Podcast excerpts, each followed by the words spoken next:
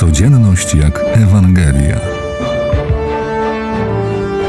O słowie, które zmienia życie. Przedstawia ksiądz Krzysztof Zawadzki.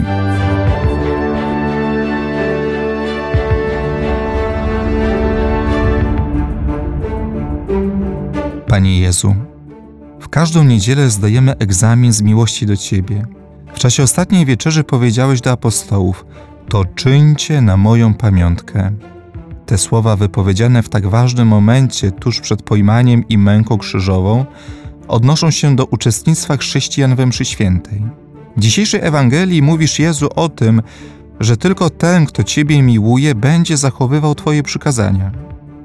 Bez miłości Ciebie, mój Panie, nie ma niedzielnej Eucharystii, nie ma codziennego pacierza, nie ma czynów miłosierdzia.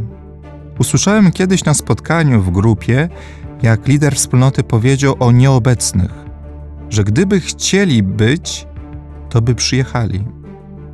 Często możemy się spotkać z deklaracją osób niechodzących na mszę świętą: Nie byłem na Eucharystii z powodu lenistwa. Czy oby na pewno? Lenistwo czy brak miłości? Nie sądźmy innych, ale zapytajmy o siebie. Czy przychodzę na mszę z powodu miłości Jezusa? Czy kocham Jezusa i dlatego modlę się, przebaczam i czynię miłosierdzie? Tylko ten, kto kocha, jest przy Jezusie.